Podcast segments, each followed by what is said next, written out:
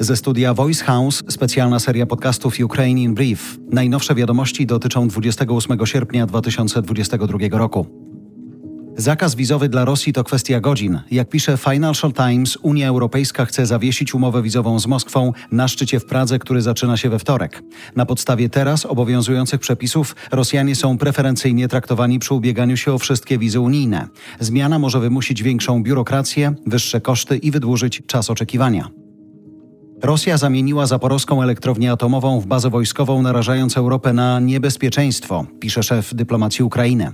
Przez dziesięciolecia bezpieczeństwo nuklearne było dla Ukrainy najważniejsze, szczególnie mając w pamięci Czarnobyl, przypomina Kueba. Największa elektrownia jądrowa w Europie jest pod rosyjską kontrolą od marca. Na terenie obiektu stacjonują i rosyjscy żołnierze, i pracownicy rosyjskiego koncernu Rosatom. W wojnie w Ukrainie zginęło co najmniej 379 dzieci, a 733 zostało rannych, informuje prokuratura generalna w Kijowie.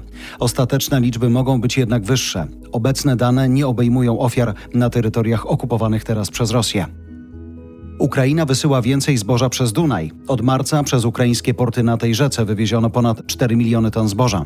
Z ukraińskich portów morskich w ostatnich tygodniach wypłynęło milion ton żywności. Wysłano 44 statki ze zbożem do 15 krajów. To jest możliwe dzięki specjalnej umowie między Turcją, ONZ, Rosją i Ukrainą.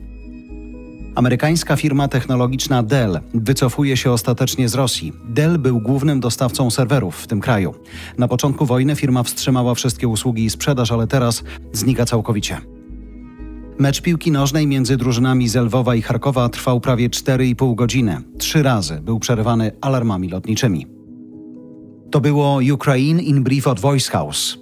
Kierownictwo produkcji Dorota Żurkowska. Redakcja Agnieszka Szypielewicz. Dystrybucja Olga Michałowska. Realizacja Kacper Majdan. Dźwięk Kamil Sołdacki. Redaktor naczelny Voice House Jarosław Kuźniar.